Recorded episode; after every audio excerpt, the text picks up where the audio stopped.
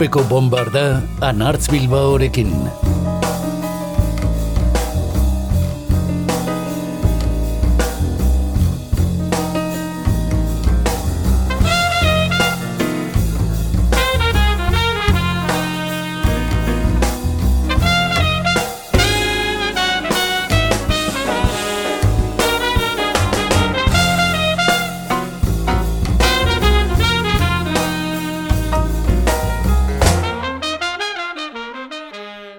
Urpeko bombardak aurkezpen zaioan iragarri baina jorratu gabea zuen formatu bat dakar gaurkoan. Argitaratu berria den diskoren bat, aspaldiko musika eta moldatutako kanturen bat oineratuko duena. Estei batzuetan bageunde legez. Izan ere, nonbait irakurri dugunez alaxi egiten zen lehen eskontzetan tradizioz eskongaietako batek zerbait berria, zerbait zaharra, zerbait mailegatua eta zerbait urdina eraman behar izaten zuen soinean. Maitasuna eta soriontasuna iraganarekin eta etorkizunarekin lotzeko ikur gizara. Ara. Urpeko bombardan ez gara eskontza saleak, kasu. Eta ez dakigu gaur oraindik eskontzak ospatzen note diren ere baina musikazaleak garen aldetik aurkezgai duguna molde egokia begitan du zaigu podcasterako. Gaur, argitaratu berriak diren disko batzuk entzungo ditugu. Baita efemerideren bat tarteko dela gaurkotasunera itzuli den artistaren bat edo beste ere. Eta bukatzeko, kantu bati egindako moldaketa edo bertzioa zuon ganatuko dugu. Zerbait berria, zerbait zaharra eta zerbait mailegatua. Eta urdina zer? Zer gertatzen da zerbait urdinarekin? Aldartea, dakarrela etxetik bakoitzak berea. Urpeko bombardari entzuleak ematen baitio kolorea. Gaur, Foo Fighters, The Piruetz eta Arima Soul taldeen lan berriak dakartzagu. Azken hauena bereziki, egitasmoko kide diren makala eta lidia insaustiren ahotzetan.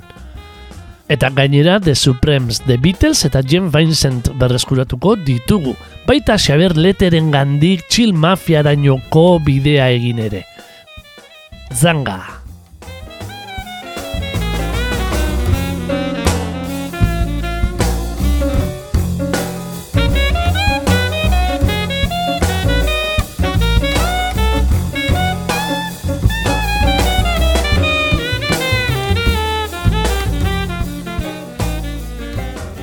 Foo Fighters talde handia da bere sorreratik bertatik. Nirvana taldeko bateria jole izan dako Dave Grohl baitu buru.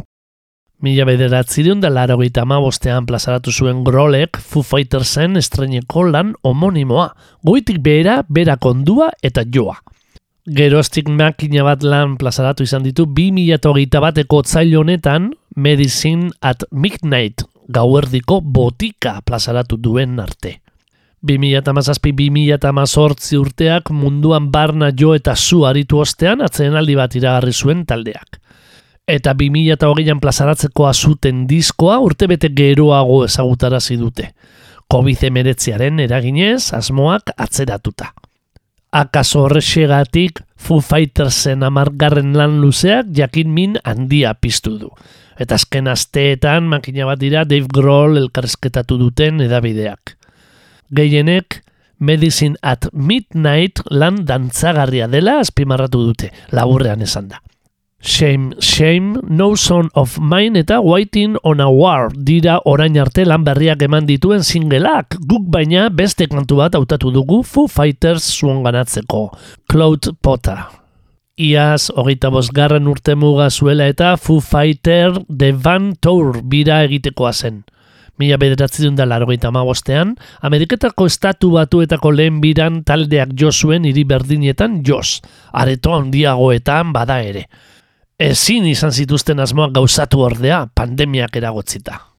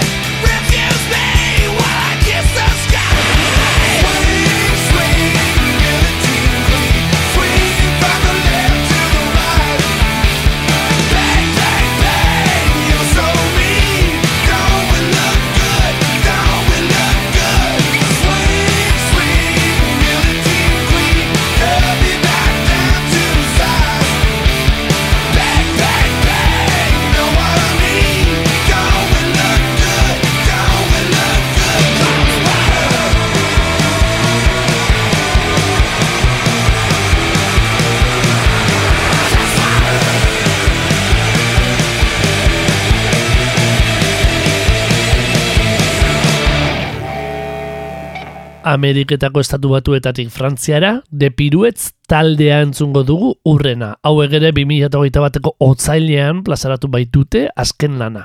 Oreka bikoitza. Biki Sherry eta Leo Bear Krikek osatutako taldea da de piruetz. Horen gutxira arte guk guk ere ezagutzen ez genuena.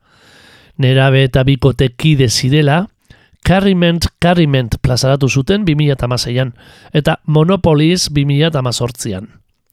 Orain, taldea da elkarren artekoa duten bakarra, baina ez dute ahatik inspiraziorik galdu.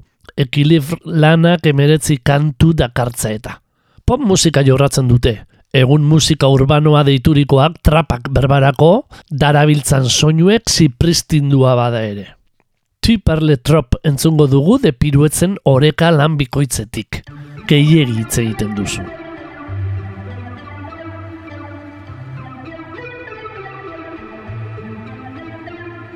Mais dis-moi pourquoi la route tourne. Je voulais la chance toute ma vie. Moi, je pensais même pas vieillir un jour. Je pensais qu'elle me dirait oui, qu'on s'en irait au paradis. Dans ce tableau sous ciel de vanille. Mon vaisseau vers l'infini. C'était mon goal, c'était cette fille. Mais tu parles, tu parles trop.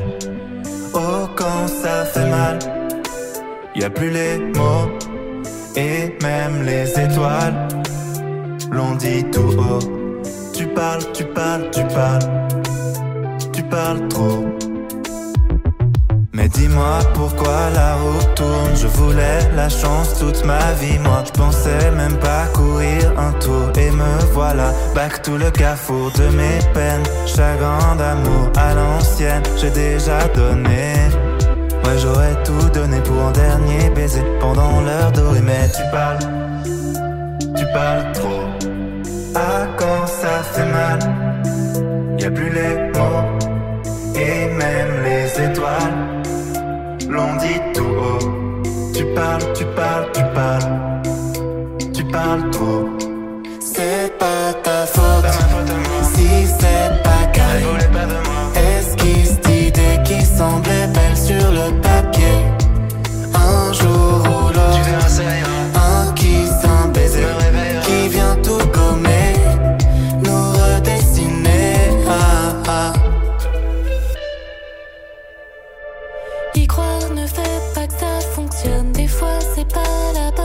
Le temps passe vite, j'ai rien calculé. Je pensais pas autant galérer. Moi, je veux un gars qui me connaît déjà. Un allié, quoi, qui m'aime comme ça. Planète synchro, comme la géode. Un scénario.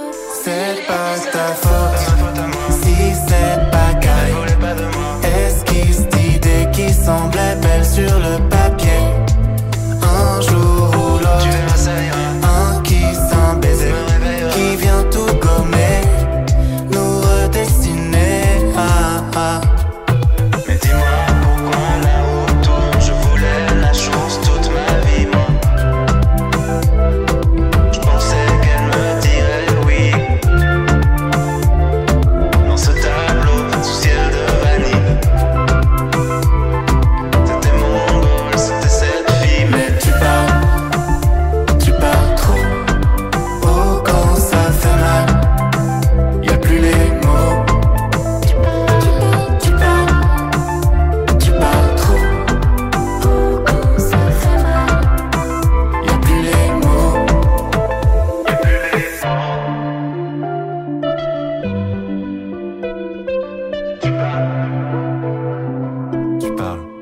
Disko berrien atalean Foo Fightersen Medicine at Midnight eta depiruetzen ekilifr genituen gaur aurkezgai. Baita harima soul ere, zarautz bueltan lidien zausti eta makalak abiatu duten egitasmoa. bai noski. E, Arima Soul egitasmoa da e, Lidia Intzausti, Donostiarra, abeslaria, emakumea eta biok e, sortutako egitasmo berria, non argi eta garbi soul musika da ba, ba bueno, e, bere, e, be- bere, nola zer duke, esentzia, ez? Eta esentzia horretatik, ba, bueno, e, abiatu gara proiektu honetan, eta, claro, soul, soul estiloa oso, oso anitza da, E, eta adibidez, ba, lehenengo bueno, referenteak, ba, behar bada perrogei tamara markadako e, zerak dira, eta gero iguro markadan bere beste soul mota batzuk egon zine, egon ziren, baina gurea e, egiten du gehien bat e, bueno, referentzia fokua ipinita dauka gehiago, iruro gehieta mar, amarkadako soula. E, batez ere gure formazioa, bueno, azeran Lidia eta Biok abiatu genuen, baina berora ja Paul San Martín teklatuetan eta Hilario Rodeiro baterian, ni basuan eta Lidia hotzutan, paulako formazio laukote horiek, ba, agian iruro gehieta mar amarkadan batzuten e, bueno, beku gehiago, eta, bueno, jasarekin den nazten ziren, eta, bueno, zen soul jazz interesgarri bat, eta hori bini dugu fokua.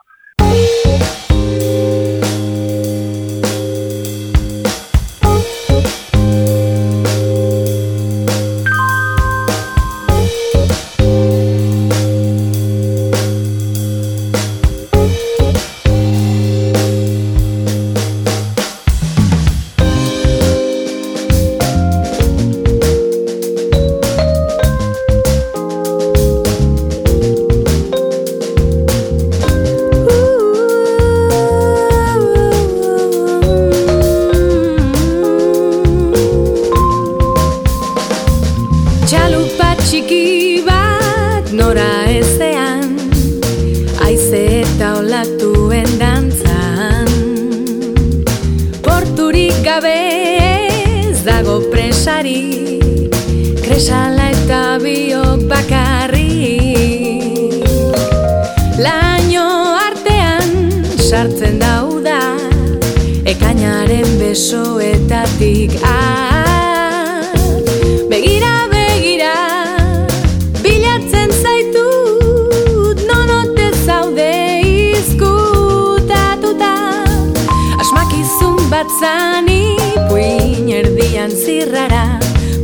Urrezko tximeletak urbiltzen Dana gertatzen ondartza parean Lurrikara berri bat ekartzen Zu ispilua soinu guztiak berpizten Inoiz azaldu ez dan paisajean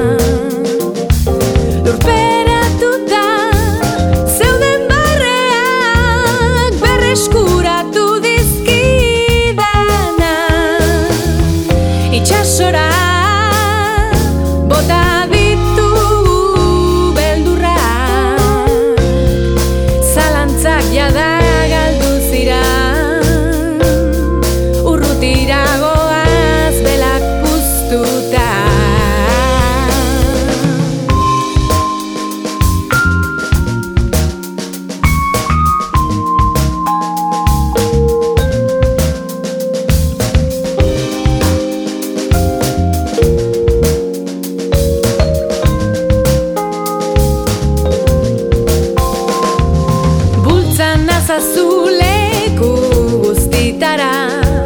Ekipajerik gabe eta onutxi Guazen edo nora bion baita.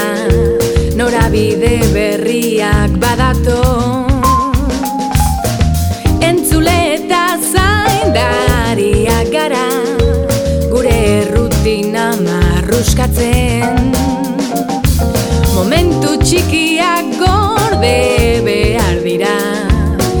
honetan metxen kutsa honetan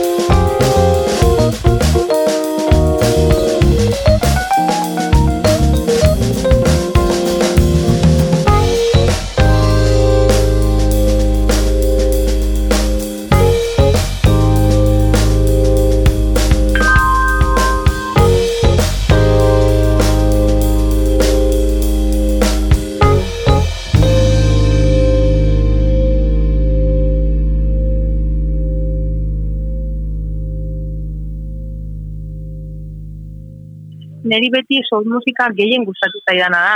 Orduan, alde batetik, argi genekan, em, musika komposatzerakoan edo ideia sortzerakoan, ba soul generoaren pintzelakadak egongo zirela. Eta bestalde, ba bueno, bai makalata bainik partekatzen dugu ideia bat. Tala, e, zerbait egiten dezunean, ba ere oso garrantzitsua dela jendearen arimara iristea, ez? Osea, urrunago jutea, ez bakarrikan ba, zerbait estetikoa edo, bueno, moda negotea, baizik eta e, ariman zerbait mugitzea. Eta horregatik, ba, azkenean atera zen hori, ba, bi hitzen joku hori. Eta gustatu zitzaigun, eta hola geratu zen. Itxasoan kantua baino lehen makala entzun dugu eta Lidia Inzausti orain, anima soul ahotan hartuta. Kulturrekoizle edo musikastintzailea dugu makala.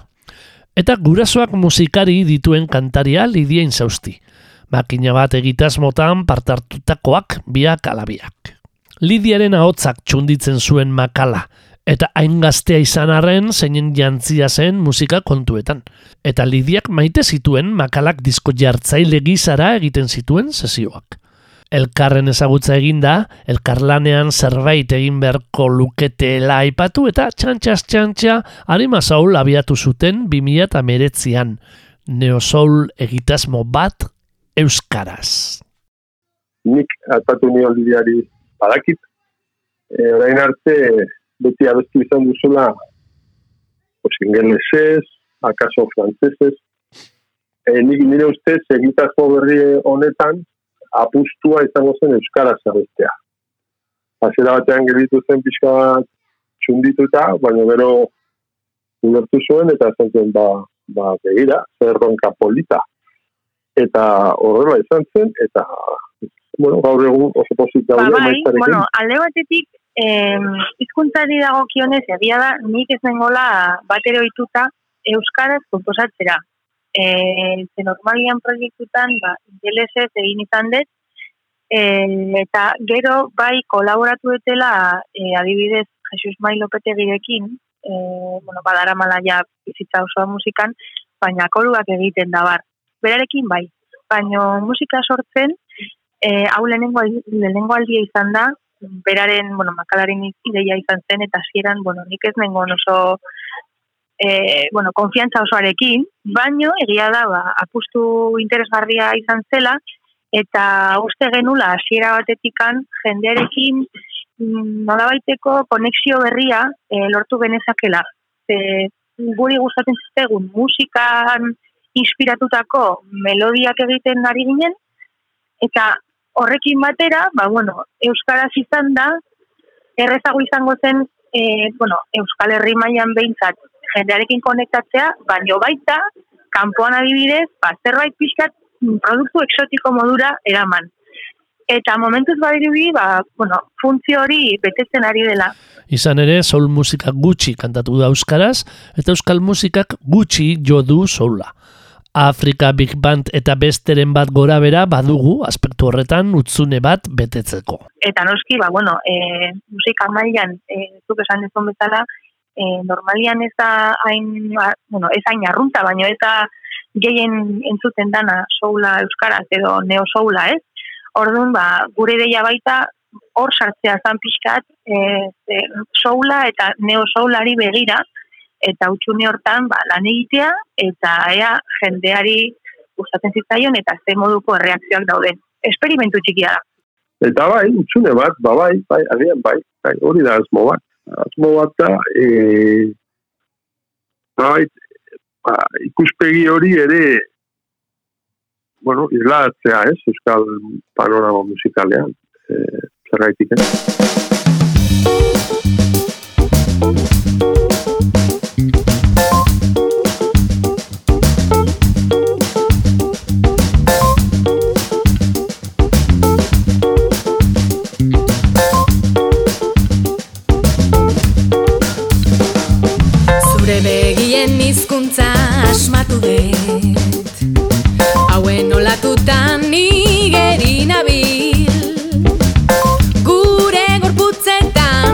abesti bat sartu da Bizitzaren gatz berria aurkitu de.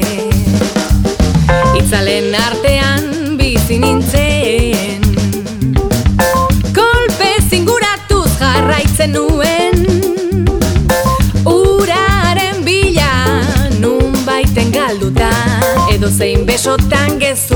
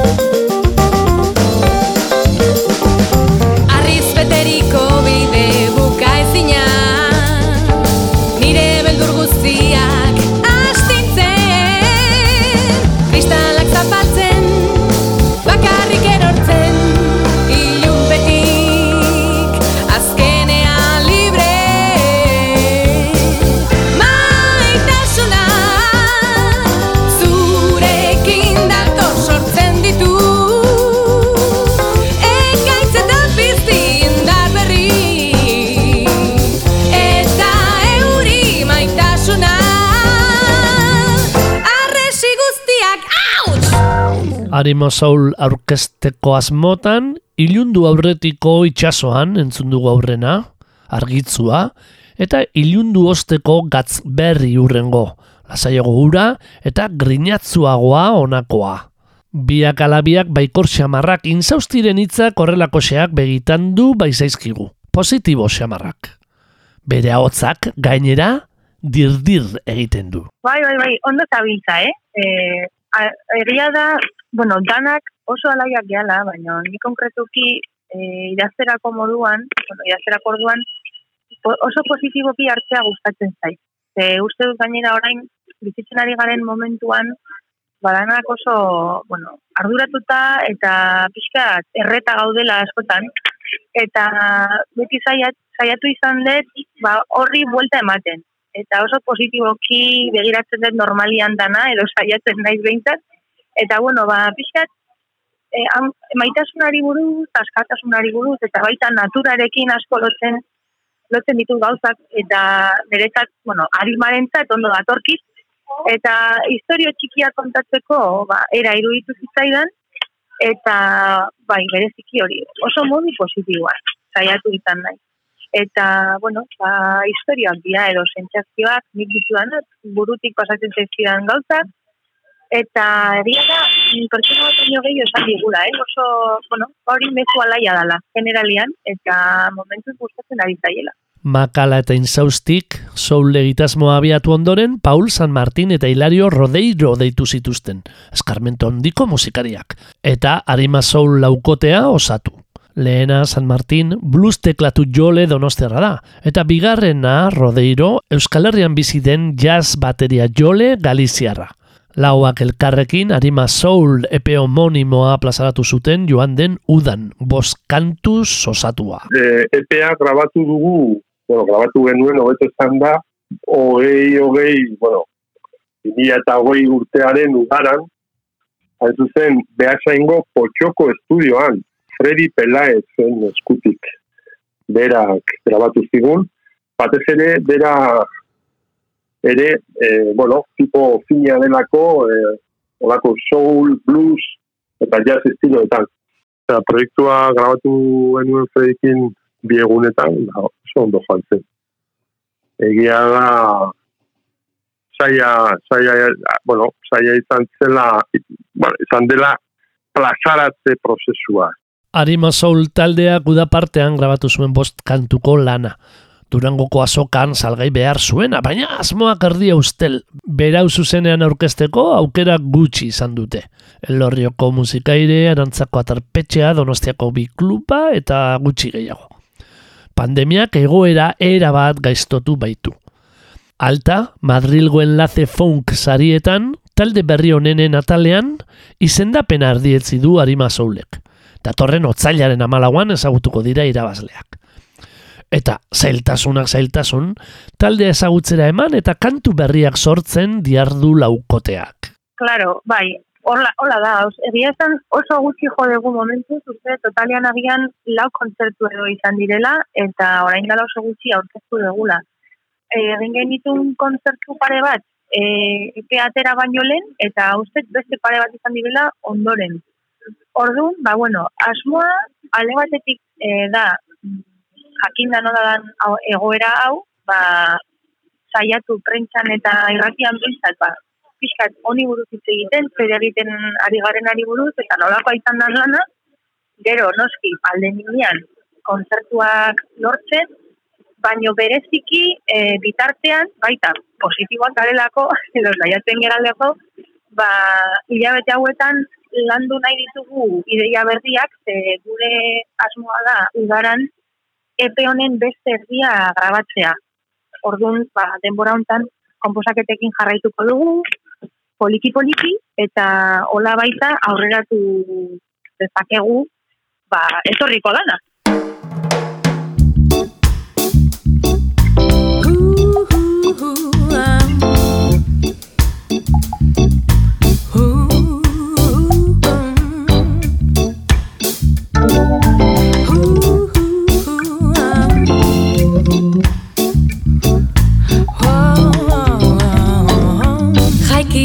Eta gozaria Autobusako txea bazkaria. Egunero errutina berdina Bide berri bat margotzeko adina. Korrika gabil ia itxu Denborari egalak lapurtzen. Gaur berriz ere ezingo dugu Filosofia eta arte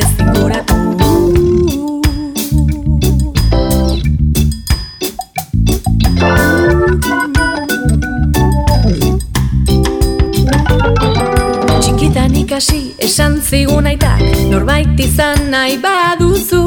Irakurriekin liburuan sartu Antagonista utxak gara. Kilometro pila bizdira bila Mendi ondartza baso artean Lurrak pausoak estaltzen ditu Zeru bertzetik aldentzen goa Zeintzuk dira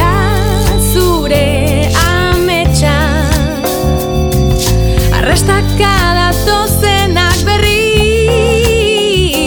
zogoratu dar dar e gintzuena el zuzure icharo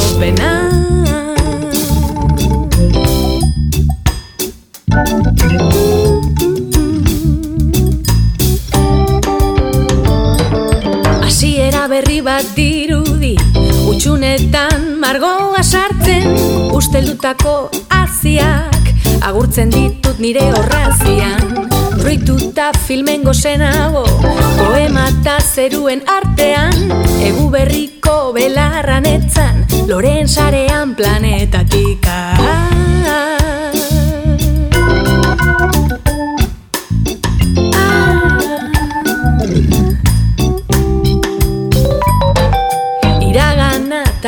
etorkizuna Bide gurutzean topatzen dira. Sormenaren prozesu hontan Nahiago ditut kide biziak.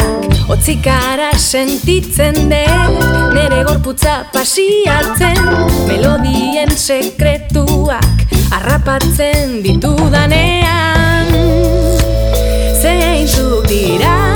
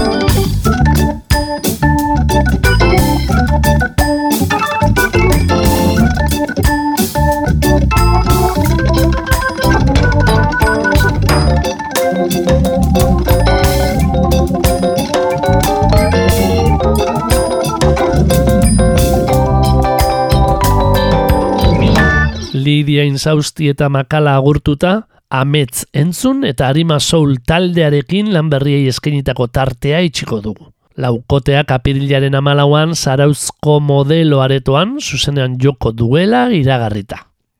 Eta gatozen orain aspaldiko soinuak berreskuratzera, soul musikarekin jarraituz, generoaren talde gorenarekin hasita, The Supremes. Diana Ross mundu mailako izar bihurtu zen Detroit iriko The Supremes irukotean, Florence Ballard eta Mary Wilsonekin batera. Azken hau asteon otzailaren sortzian zendu da Nevadan, irurogeita amasei urte zituela. Eta moto usigiluko emakume irukote ospetzuenetik Diana Ross da orain bizirik dirauen bakarra. Horrexegatik hautatu dugu nire mundua utzik dago zugabe.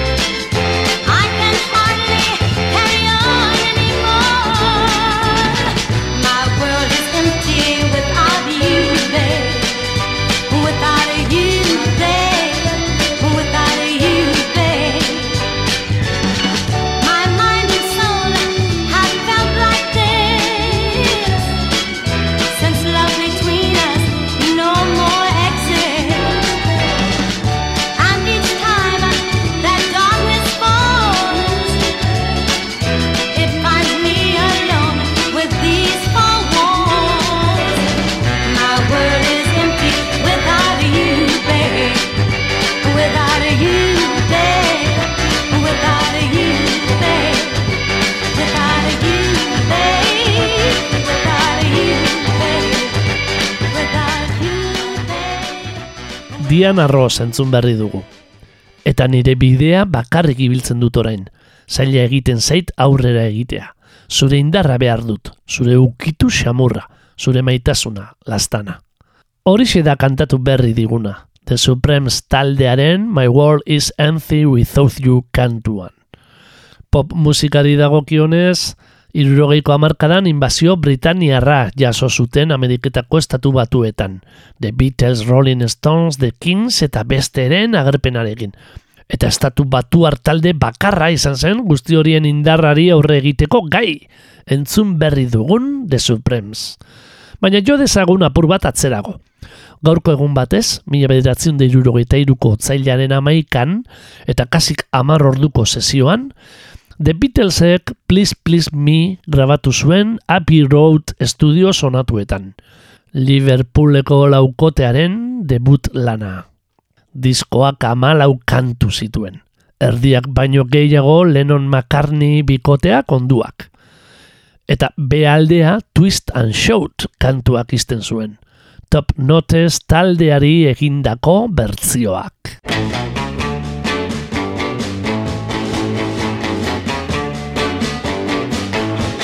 Well,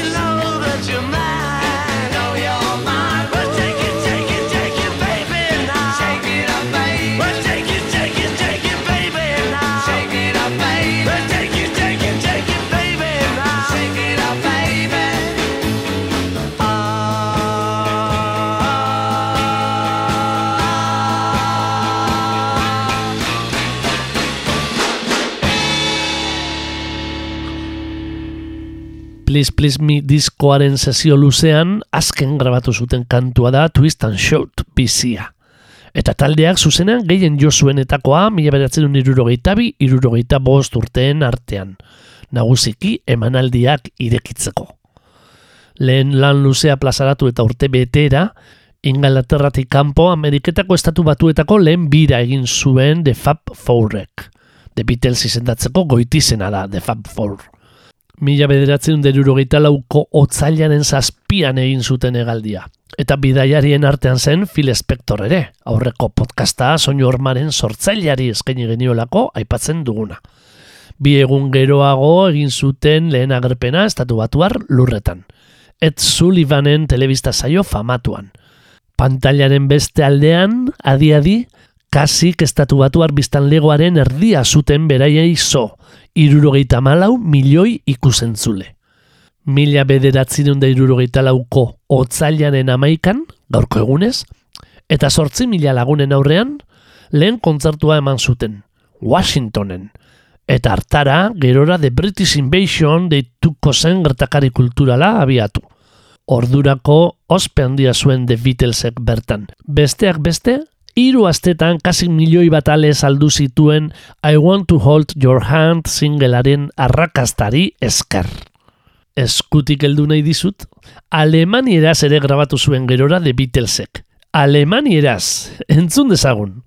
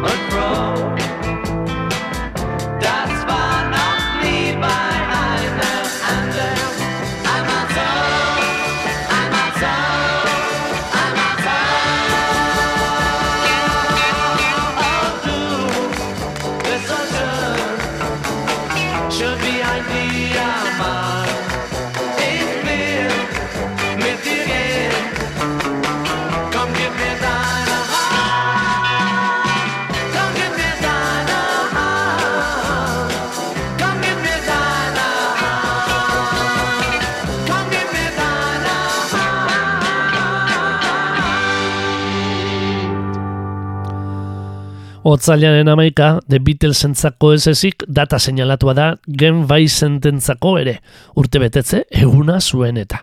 Mila bederatzi dut hogeita hamabostean jaioa, rockabilly musikaren aitzindariak bebop alula du kanturik ezagunena.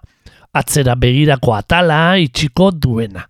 Aze kantua. Well, bebop Lula, she's my baby. Bebop Lula, I don't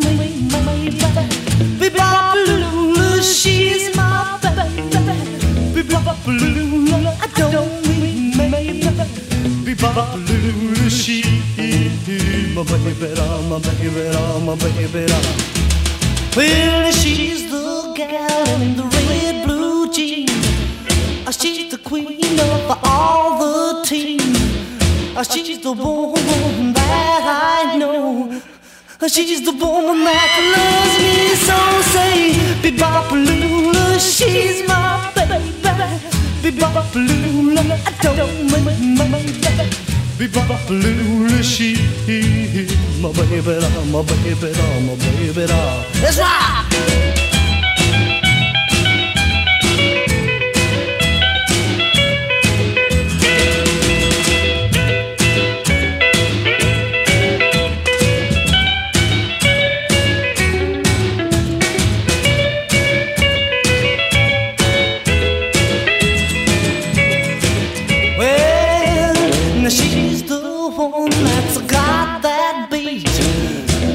The one with the flying feet.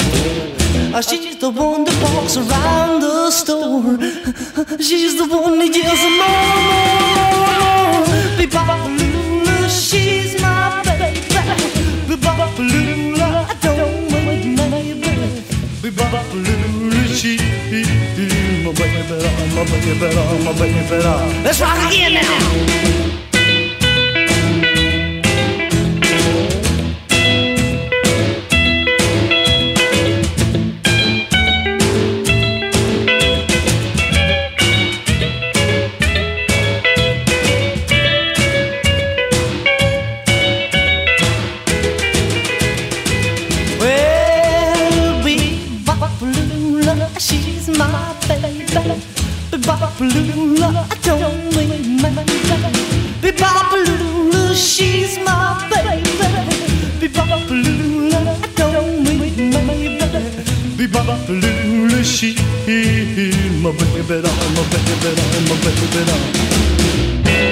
Lan berriak aurkeztu eta espaldikoak berreskuratuta, mailegatutakoa entzutea baino ez zaigu falta berriro bombarda urpean gordetzeko.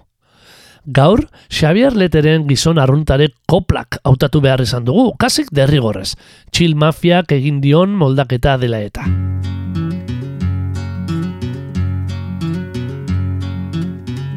Kantatzera noa zu bertso bat edo bi. Eren egun jarria gizon arruntari. Antonio Lorentxo edo Jose Mari. Gauza ederra denik ezukatu neri. Gauza ederra denik ezukatu neri. Goizian jekitzian lehenbiziko gauza Abazabaldu eta jazten ditut galtzak Muturra garbitzeko nolako zalantzak. Ezin kendurik nabiluaren horratzak Ezin kendurik nabiluaren horratzak Kafesnia hartuta horrekin batera Albaldin badet behintzat noa komunera Aurrian papera eta atzian papera Periodiku aletuz ilustratzen gera Periodiku aletuz ilustratzen gera Etxetik lanera noa nahiko manso Reala 4-1 galdu zuen atzo. Kalian bizakurta beste hiru atxo Egun ondon Pepito eta Don Alfonso. Egun ondon Pepito eta Don Alfonso. Gauza gaizki da biltzau da komerilla Afganistanen gerra piztu zuten illa. Tokatzen baldin bazaita urten loterilla Erosi beharko de Citroen berrilla Ongi egon omen zantolosan perilla. Ongi ikasi nuen gaztetan baltxian Karterari kontutzen txamarra galtzian. Artxandako aizia berua baizian Ederki egoten zen oiaren atzian. Ederki egoten zen oiaren atzian. Lana egina nahi semiak azteko Haiek eskola ona xuxen ikasteko Ikasi eta gero lanian azteko Ez dikezela izan bazterrak nasteko Ez dikezela izan bazterrak nasteko. Semen semetati bai datoz semiak Batzuek arrak eta bestiak emiak Batzuek loriak eta beste batzuk miak.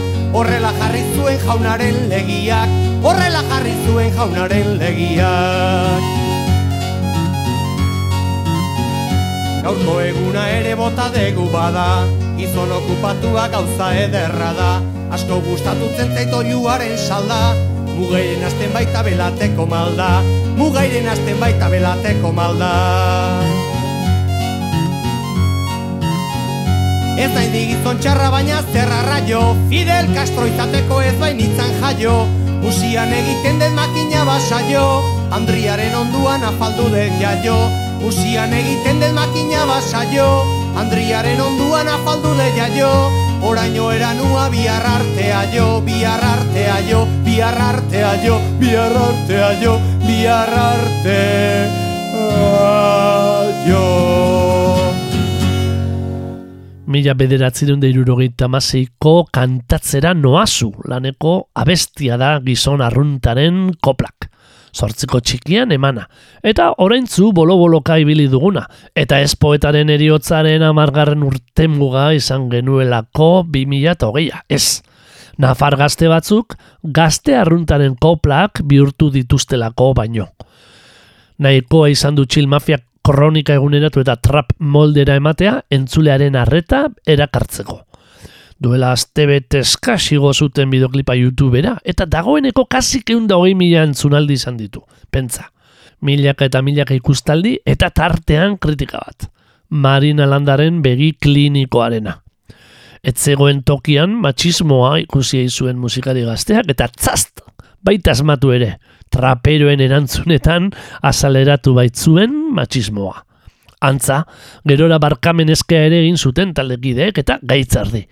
Markada gero, aite hiltzera datozen gaztea purtzaileen ahotik, emakumen aurkako moldezarreko irainak entzun beharra. Eta musikalki, zer?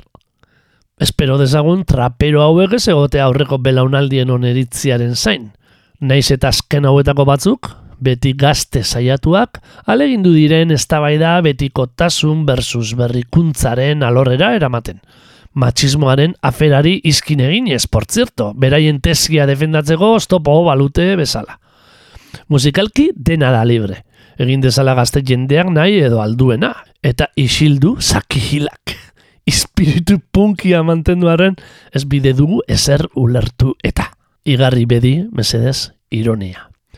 Otzailaren amalauan, ez horregatik bider berpizkundea plazaratuko idu txil mafiak. Eta adi egongo gara. Ordura arte, ondo izan.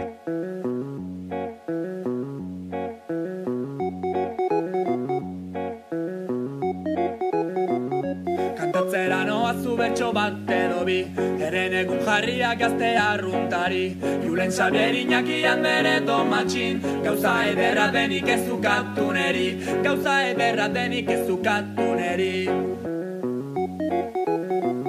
Goizian jekitzian lehenbiziko gauza Instagram irekitan olako zalantzak. Neska gazte politxen argazkiak latzak. Reakzio pare botata sartzen aiz saltxan. Reakzio pare botata sartzen aiz saltxan on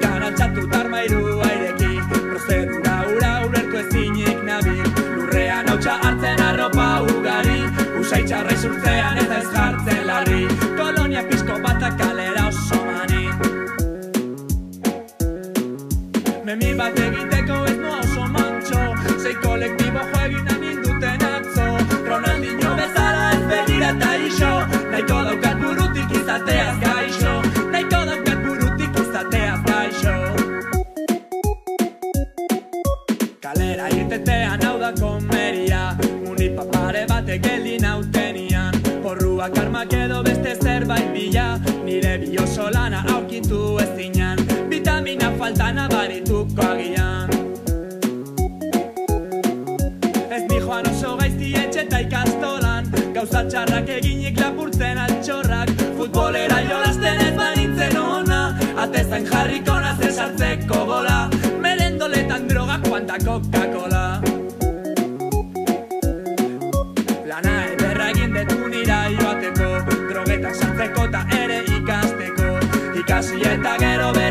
ikasteko Aiten etxera buelta lanik ez balego Azkenean familiakin badaukat tapego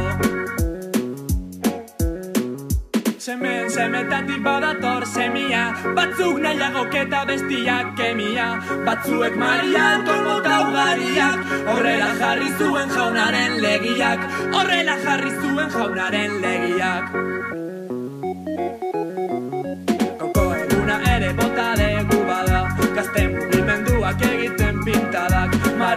Lehiatu nau bere freestyla Igual banabil saiatuko gara